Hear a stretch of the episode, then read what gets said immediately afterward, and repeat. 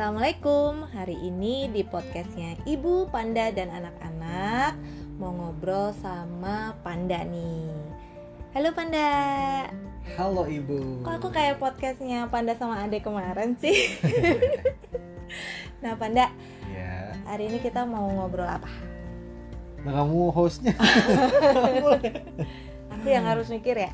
Iya. Oke, hmm, Nanya apa? aku mau nanya eh, Gimana sih rasanya jadi panda? Enggak, bukan, bukan Gimana sih rasanya jadi orang yang berprofesi freelancer? Deg-degan terus sih. Seumur hidup deg-degan Iya. Anda dari kapan jadi freelancer? Dari 2013 akhir. Berarti udah berapa tahun? Udah hampir 8 tahun. 8 tahun. Nah selama itu hidupnya gimana? ya beda banget aja. Biasanya kan pasti ya. Dapat sekian, dapat sekian tiap bulan gitu.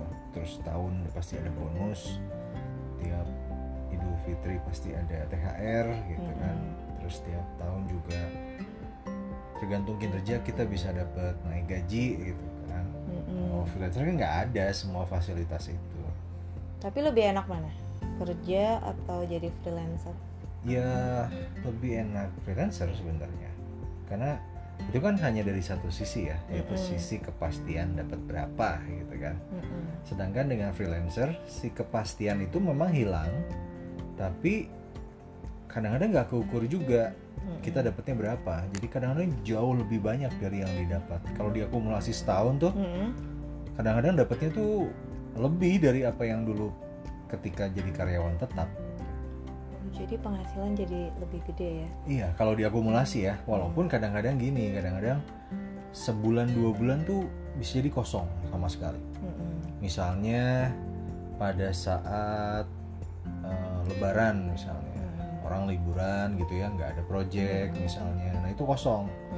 Nanti ada lagi pas bulan ke berapanya gitu, gitu. Jadi kalau dari sisi enak, sebenarnya kalau dari sisi enaknya hitungan berapa banyak yang didapat, Hitungan materi ya? Heeh, malah lebih banyak gitu. Nah enak lainnya sebenarnya adalah dari sisi waktu karena kita ngatur sendiri. Kalau dulu karyawan tetap kan kita harus berangkat ya Iya, jam kerja office pagi, hour ya, ah, 8 jam, 8 ya jam. kadang-kadang lebih juga Oh iya, nggak cuma kamu ya. iya kadang-kadang malah nggak pulang karena ada yang harus dikerjain gitu kan di kantor Aku juga lebih sih karena suka ada meeting malam ya. iya kan. Meeting kan kadang-kadang malah malam kan Mm-mm. meeting yang dengan klien ya yang harus Iya. keluar misalnya Mm. kadang-kadang maunya mereka habis jam kantor gitu nah ini juga sama Tapi stres nggak? Jadi freelancer. Stres dong orang tiba-tiba uangnya banyak, terus tiba-tiba uangnya nggak ada gitu. Gimana? nah gini Stres nggak? kan tadi kalau soal keluangan waktu ya Mm-mm. kita kadang bisa ngerjain tuh satu kerjaan seminggu doang gitu atau kadang dua hari doang atau tiga hari doang selesai gitu dengan pendapatan yang sama Tapi dengan kan kita sebulan kalau di lagi kerja tetap. dua hari atau seminggu nggak tidur tidur. iya betul tapi emang capek gitu capeknya benar-benar hanya di waktu di mana proyek itu berjalan Tapi abis itu liburannya sebulan. iya nggak liburan juga kan sebenarnya Oh, iya, iya. tapi artinya ada waktu luang yang Istirahatnya lebih sebulan. kalau buat aku sih sebenarnya buat anak-anak jauh lebih enak kita Ya freelancer kita ya, jadi lebih deket ya Mm-mm. sama anak-anak lebih ke kontrol gitu ya. Iya.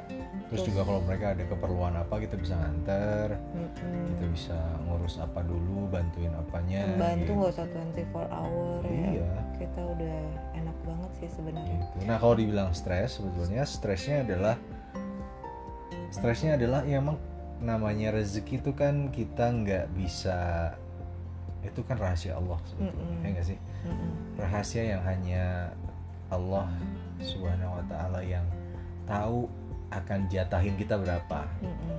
dan kapan. Iya.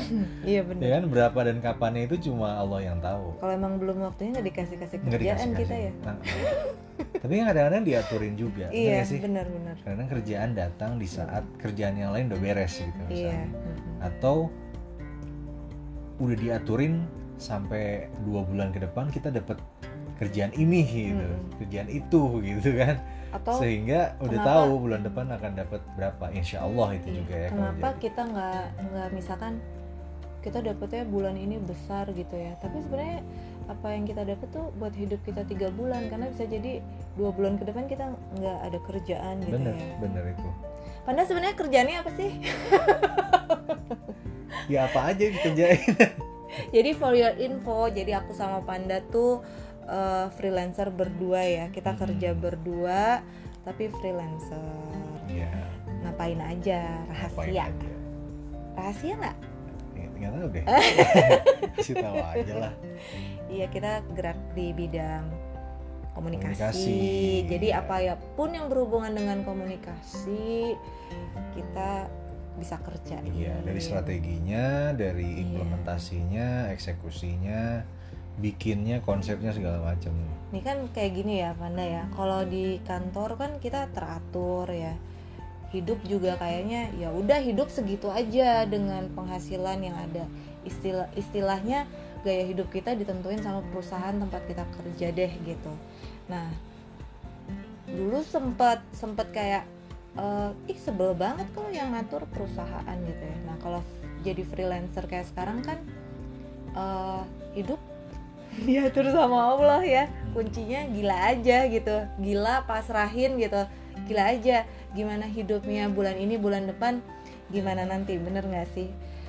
Kalau buat aku perempuan yang perhitungan kan stres banget ya. Tapi kemudian eh, berpikirnya ya pasrah aja sama Allah terus gila aja gitu. Ya gilanya gilanya dalam arti positif ya. Bukan orang gila. Bukan gila, gila. orang freelancer jadi gila. Ya nekat sih sebenarnya ya. Nekat gimana nanti gitu. Sebetulnya karena kalau kerjaan kita kan juga nuntut kita untuk Heeh. berpikir yang di luar kebiasaan. Iya benar banget. Dan kayaknya itu juga freelancer tuh butuh mental ya. Mental yang kuat. Mental yang tinggi yang Tahan kuat. banting, tahan Nah, banting. maksudnya kalau kita belum bisa mempercayai bahwa rezeki itu udah dijamin Iya. udah ada jatahnya Gak berapa dan kapannya Iya, maka akan sulit untuk jadi freelancer. Iya, karena kita akan terus "Aduh, ntar gimana tuh gimana? Stres terus kan jadinya. Stres terus, benar. tadi kan dibilang sama aku deg-degan terus gitu kan Iya. deg-degan tuh sebenarnya kan membuat kita terus menerus berpikir ke depan kita mau apa gitu. Iya, benar. ke depan kita harus ngapain supaya kita dapat kerjaan lagi kita dapat sesuatu kita bisa berkembang gitu ya dari sisi pekerjaan maupun juga karir atau penghasilan Mm-mm. gitu dan sama halnya dengan orang yang karyawan tetap Mm-mm. kita juga punya target ya nggak sih target dong pengen rumah ini Mm-mm. pengen itu pengen ganti mobil misalnya atau apa sama gitu Iya, kan tapi sekarang ngukurnya adalah gimana cara bisa mencapai itu padahal kita nggak tahu kita mau ngerjain apa di depan gitu tahu jadi kita- mentalnya tuh di situ Iya. buatku dan jadi freelancer eh, kita yang sekarang ini udah berapa tahun ya Panda? Empat ya?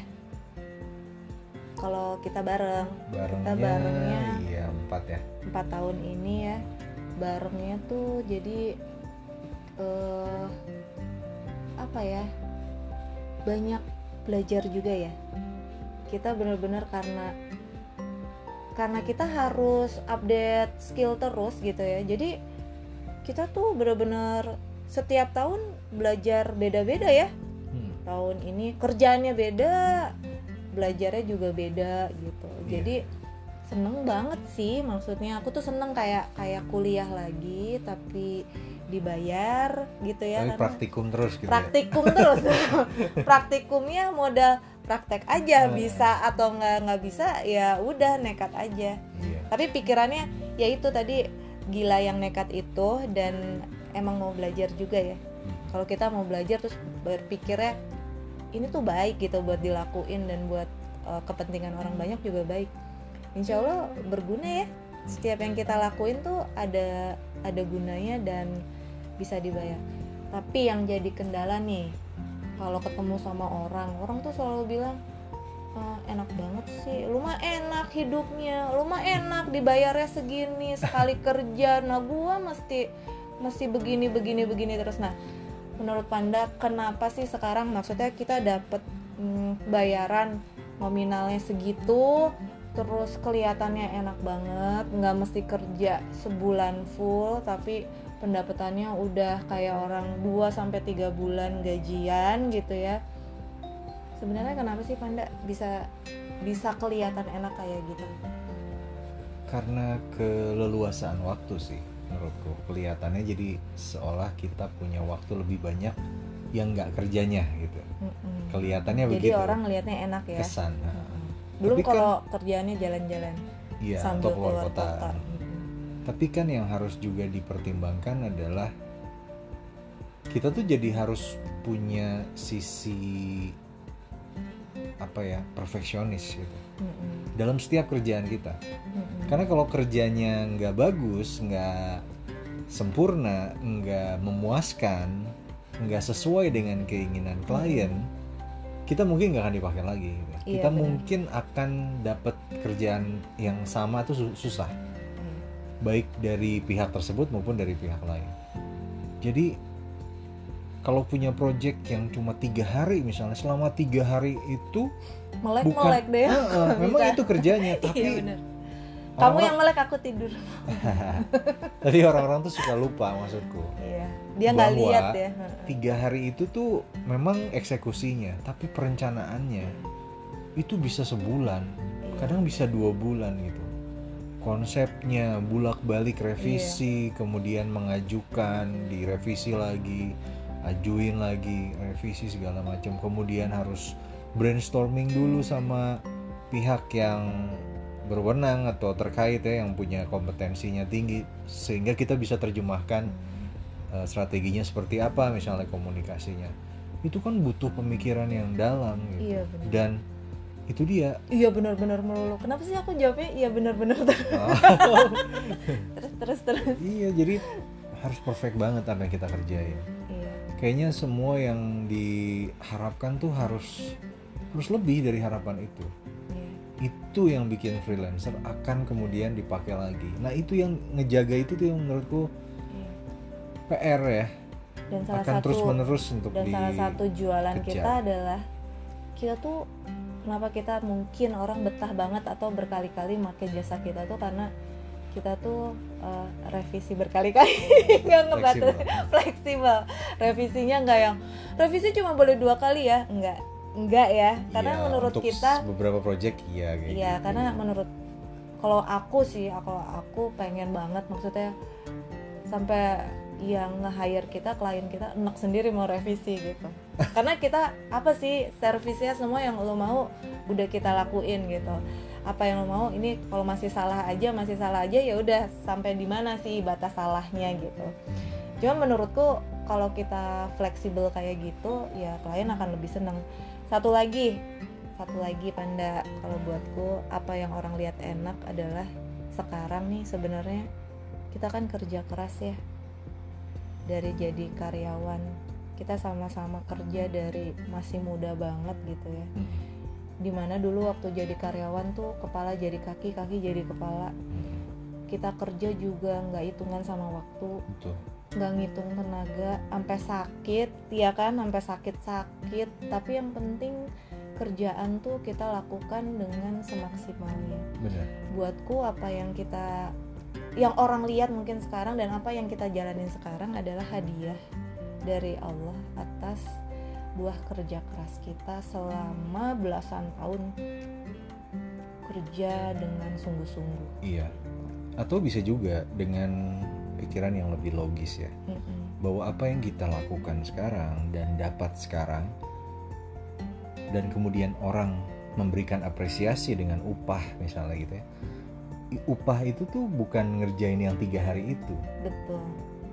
Tapi upah yang diberikan ke kita kenapa, kenapa kemudian mungkin lebih besar karena ngerjain tiga hari itu dengan pengalaman puluhan, tahun Puluhan sebelumnya tahun, gitu. iya. jadi yang dibayar tuh puluhan tahun itu iya betul sehingga bisa mengerjakan yang tiga hari itu dengan memuaskan gitu kira-kira orang harus mungkin kadang nggak mikir ke situ nggak gitu. mikir ke situ ngelihatnya tiga hari enak kok terus mahal dengki banget gitu.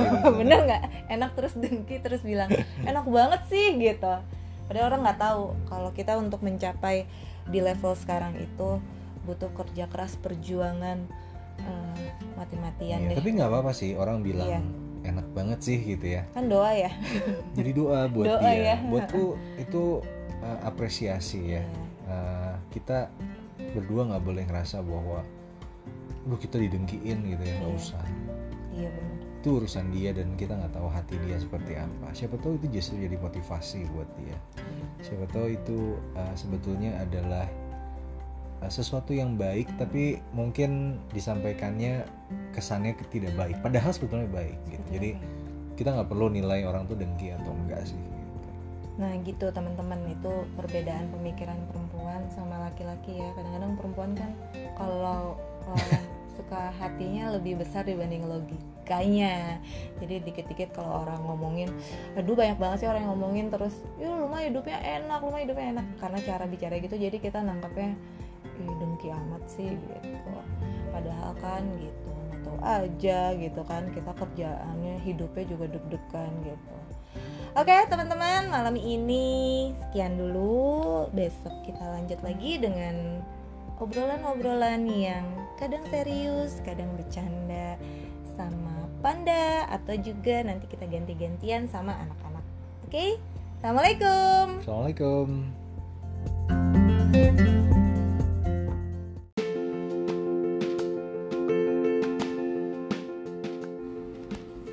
Hai, ketemu lagi di podcastnya Ibu, Panda, dan anak-anak. Tapi kali ini Ibu sendirian aja. Nah, ada yang mau aku bahas nih. Jadi, udah berapa tahun ya? Udah lama banget sih sebenarnya. Tapi baru ketahuan sekitar 4-5 tahun yang lalu lah gitu.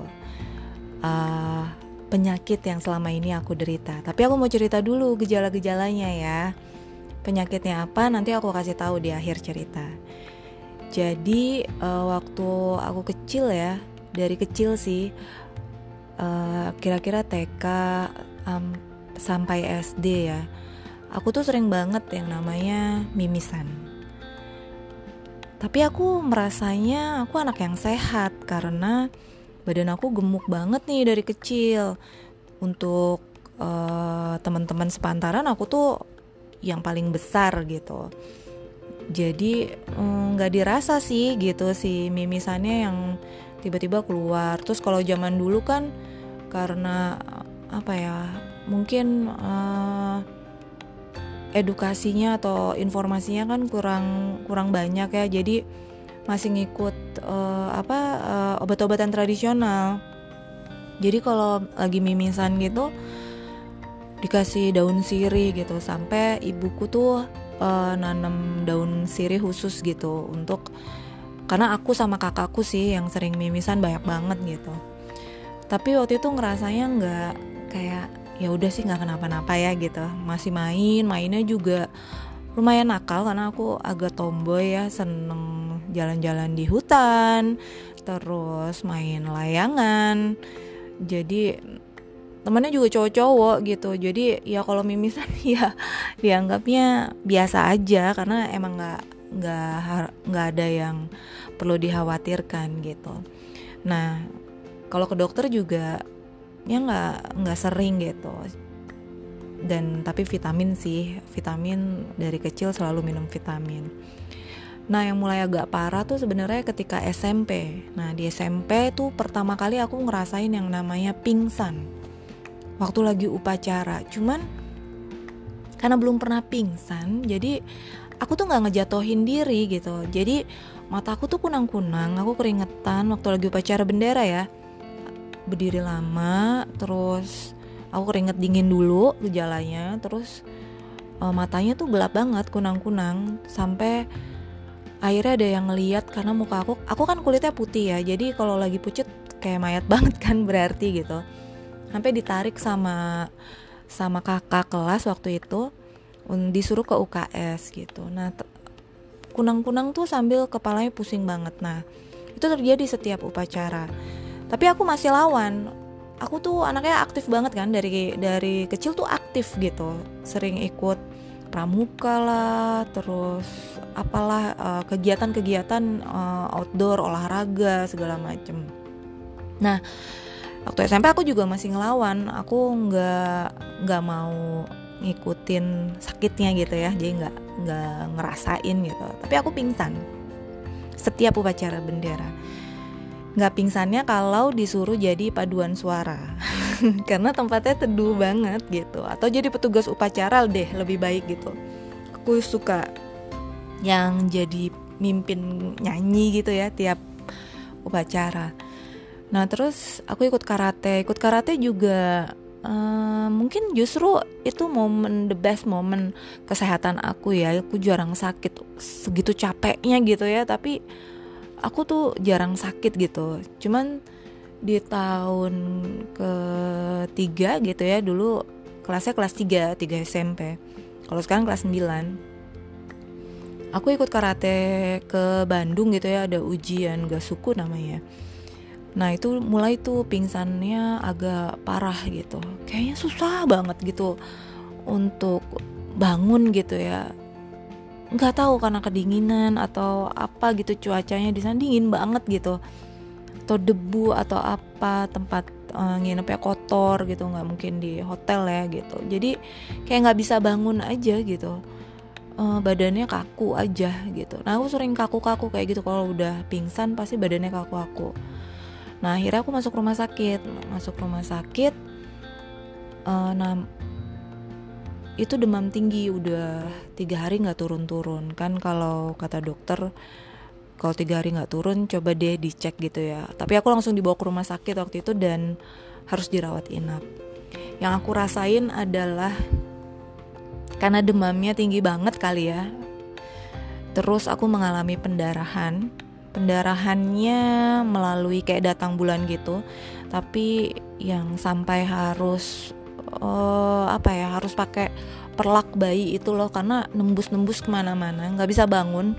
Kalau bangun tuh kayak muter banget kepalanya gitu dan hampir sebagian waktu aku nggak nggak ngerasain aku ada di situ gitu.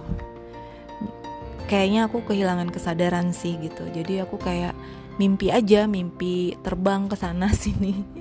Terus banyak jenguk yang jengukin tuh ada kakek nenek yang udah meninggal gitu. Terus uh, saudara-saudara.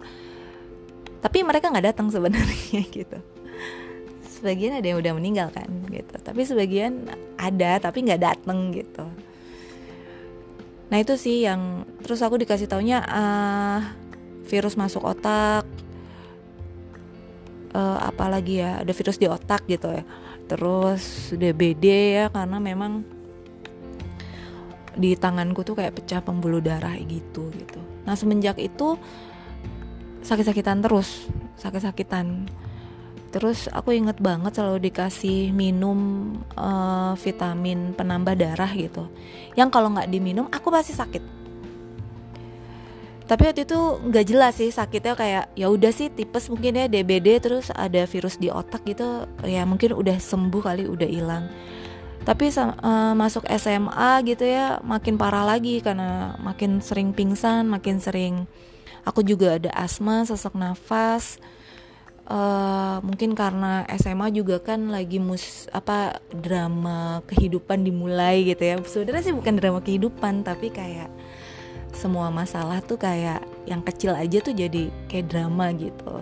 Tapi memang aku mengalami sesuatu hal yang berat sih di usia segitu uh, dan mungkin itu membuat uh, memancing apa ya jadi depresi gitu ya. Jadi semua penyakit yang selama ini nggak biasa-biasa aja tapi jadi bergerak karena aku depresi gitu kemudian kuliah dan selanjutnya seperti itu terus nikah nikah nikah terus hamil. Nah selama hamil aku tiga kali melahirkan. Selama hamil tuh sebenarnya aku sehat-sehat aja nggak pernah sakit justru.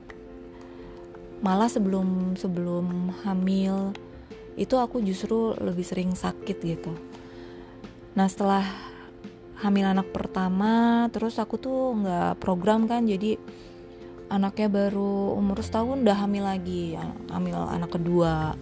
Terus anakku yang baru 8 bulan yang anak yang kedua baru 8 bulan udah hamil lagi anak yang ketiga. Nah tahun 2008 aku mulai sakitnya lumayan lebih berat lagi itu setelah 2 tahun melahirkan anakku yang ketiga itu kayak tiga bulan sekali aku tuh pasti sakit ya. Demam tinggi sampai nggak bisa bangun. Terus pendarahan dari hidung dari datang bulan gitu kayak datang bulan aja terus. Nah tapi kalau waktu sebelum nikah dari SMA tuh aku mens terus nggak walau cuman coklat coklat gitu ya nggak darah segar tapi aku tuh kayak mens terus terus udah gitu aku nggak ngitung sih tapi setahu aku aku kalau buang air besar itu aja hitam yang aku baru dikas baru baru tahu gitu beberapa tahun belakangan ini kalau itu ternyata pendarahan oke okay? jadi setelah sakit sakit sakit terus gitu terus minum obat ya nonstop gitu ya dari tahun 2008 tuh 2008 kayak per tiga bulan sekali kan sakit demam tinggi segala macem sampai berat aku tuh yang terberat adalah jadi aku batuk terus di di mana ya di bawah di tulang rusuk ya di tulang rusuk tuh sakitnya kayak kayak disayat gitu. Kayak ada luka sayat yang terbuka gitu itu sakit banget mau dipakai nafas sakit sampai aku pikir aku TBC kali ya karena batuknya nggak sembuh sembuh gitu. Dan dalam waktu dua minggu aku turun 10 kilo. Kurus banget. Jadi dari 52 jadi 42 kilo.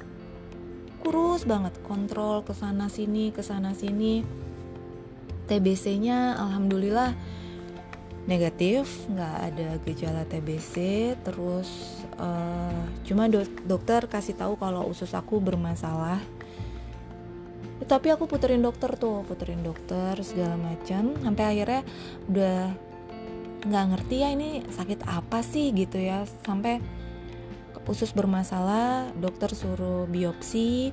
Terus ternyata kang apa uh, aku takut itu kanker kan gitu. Jadi aku selalu menolak biopsi karena setiap kali aku tanya ke dokter dokter selalu bilang uh, kalau aku biopsi tidak akan menjamin kalau itu tumor akan menjadi yang tadinya jinak kemungkinan akan jadi ganas gitu. Nah, pada saat itu karena pengetahuannya kurang jadi serba takut gitu. Nah terus akhirnya aku memutuskan di tahun 2011 itu daripada parno terus aku berhentiin semua obat. Lumayan sih detoxnya tuh kayak kayak nyiksa banget kayak badannya sakit nggak bisa bangun gitu. Nah aku mulai concern ke mental health. Jadi aku mulai ke psikolog. Aku mulai berhentiin semua obat medis terus aku mulai konsul ke psikolog. Ya memang aku punya masalah banyak banget di saat itu gitu ya. Jadi uh, aku concern ngobatin uh, mental dulu. Karena aku entah kenapa aku punya kepercayaan kalau penyakit itu dikontrol sama otak dan pikiran kita. Kalau kita punya uh, kesehatan mental yang baik otomatis aku percaya fisik aku akan sembuh perlahan-lahan. Dan bener aja jadi ta sampai tahun 2000 berapa ya 2013 ya aku tuh sehat banget 2013 2014 ya kalaupun sakit aku nggak nggak harus masuk rumah sakit gitu masih bisa aku lawan masih ya walaupun sembarangan ya minum vitamin C suntik vitamin C dosis tinggi segala macam minum obat flu yang yang nggak tahu boleh apa enggak sebenarnya aku minum gitu. Tapi overall kesehatku kesehatanku tuh setelah aku ke psikolog jauh lebih baik gitu. Jadi uh, tahun 2013 tapi aku sakit lagi. 2013 apa 2014 aku lupa. Aku mulai sakit demam tinggi terus sampai kaki aku tuh sakit banget nggak bisa jalan dan keluar merah-merah. Nah di situlah baru tahu sebenarnya aku sakit apa. Dulu uh, pernah sempet ke dokter darah gitu ya karena banyak biru-biru gitu. Terus dilihat dari hasil tes darahnya ada kecenderungan ke leukemia atau kanker darah ya. Terus aku coba konsul-konsul lagi terus uh, herbal ke Sinse disaranin ke Sinse coba deh berobat ke Sinse gitu. Aku berobat ke Sinse alhamdulillah sih uh, yang tadinya sakit kalau dipakai jalan gitu ya agak sakit lagi karena jujur aja untuk uh, medical check up darah itu mahal banget. Waktu itu sam hampir keseluruhan itu hampir 10 juta dan aku kayak uh, apa ya sayang banget gitu ya ngeluarin uang segitu gitu. Masih masih nyepelein sih gitu kayak ngerasanya kan aku soalnya udah udah berobat secara mental gitu ya lagi ngobatin mentalku gitu. Jadi aku pikir uh, di kondisi keterba keterbatasan gitu ya tidak berlebih gitu. Daripada berusaha ngeluarin uang segitu banyaknya gitu ya udah menyehatkan diri secara mental aja. Akhirnya setelah muter muter muter muter muter ke mana-mana akhirnya salah satu dokter muter-muterin dokter ya Kira aku ketemu salah satu dokter yang menyuruh aku tes namanya anti DS, DNA dan anaprofil karena ada kemungkinan aku lupus. Nah waktu itu tes uh, anti DS DNA-nya positif tapi anaprofilnya negatif. Nah dari situ bingung kok gini kalau lupus harus dua-duanya yang positif bingung nggak berobat lagi nggak berobat lagi terus ya uh, tapi aku sempat ke ke dokter darah tuh beberapa kali. Dia cuman jangan sampai tes darah keseluruhannya keluar jangan minum obat macam-macam kalau demam ya minum kelapa hijau aja atau minum madu atau tapi jangan minum obat-obatan herbal juga katanya. Tapi yang alami-alami aja. Alami tuh ya ya gitu kayak air kelapa hijau gitu-gitu aja sih. Karena aku juga mengalami uh, ginjal yang bermasalah gitu. Jadi gak boleh sembarangan minum obat. Jadi kalau misalkan aku aku sakit dikasih obat A nah obat itu akan uh, bikin ginjal aku sakit. Nah terus untuk nanganinnya dokter misalkan kasih obat B gitu ya. Nah tapi kalau dikasih obat B ini kemungkinan akan nyerang liver aku. Jadi uh, dokternya nggak berani kasih obat gitu. Jadi yaudah jaga diri aja yang benar gitu. Nah terus uh, akhirnya aku nggak berobat sih. Aku nggak berobat nggak terapi gitu. Sempet miss beberapa tahun gitu ya. Tahun 2000 2017 apa 2018 aku mulai uh, ini apa mulai concern. Karena seperti biasa kakinya sakit lagi terus waktu itu flu. Aku tuh memang punya sinus ya. Tapi dengan minum obat sinusnya tuh sembuh gitu. Dan dokter bilang sih harus operasi karena hidungnya tulang hidungnya bengkok gitu. Jadi kayak nggak bisa ngeluarin ingus gitu loh kalau lagi flu tuh kering di tengah-tengah mata ini. Jadi sesek banget. Nah waktu itu aku sakit uh, flu sesek sekali aku nggak bisa nafas batuk batuk tiap batuk juga sakit banget tulang rusuknya gitu ya. Tulang rusuk di bawah uh, di bawah payudara kiri itu sakitnya sampai ke punggung ya itu sakit yang kayak disayat gitu. Jadi aku concern terus melakukan tes darah dan iya aku positif tinggi sekali nilai anti DS, eh, anti dsDNA dan ana profilnya. Dan dokter bilang nggak boleh capek nggak boleh macem-macem. Terus aku juga menolak untuk untuk terapi steroid yang akan bisa bikin moon face karena waktu itu aku punya kewajiban pekerjaan di mana aku harus banyak di depan kamera.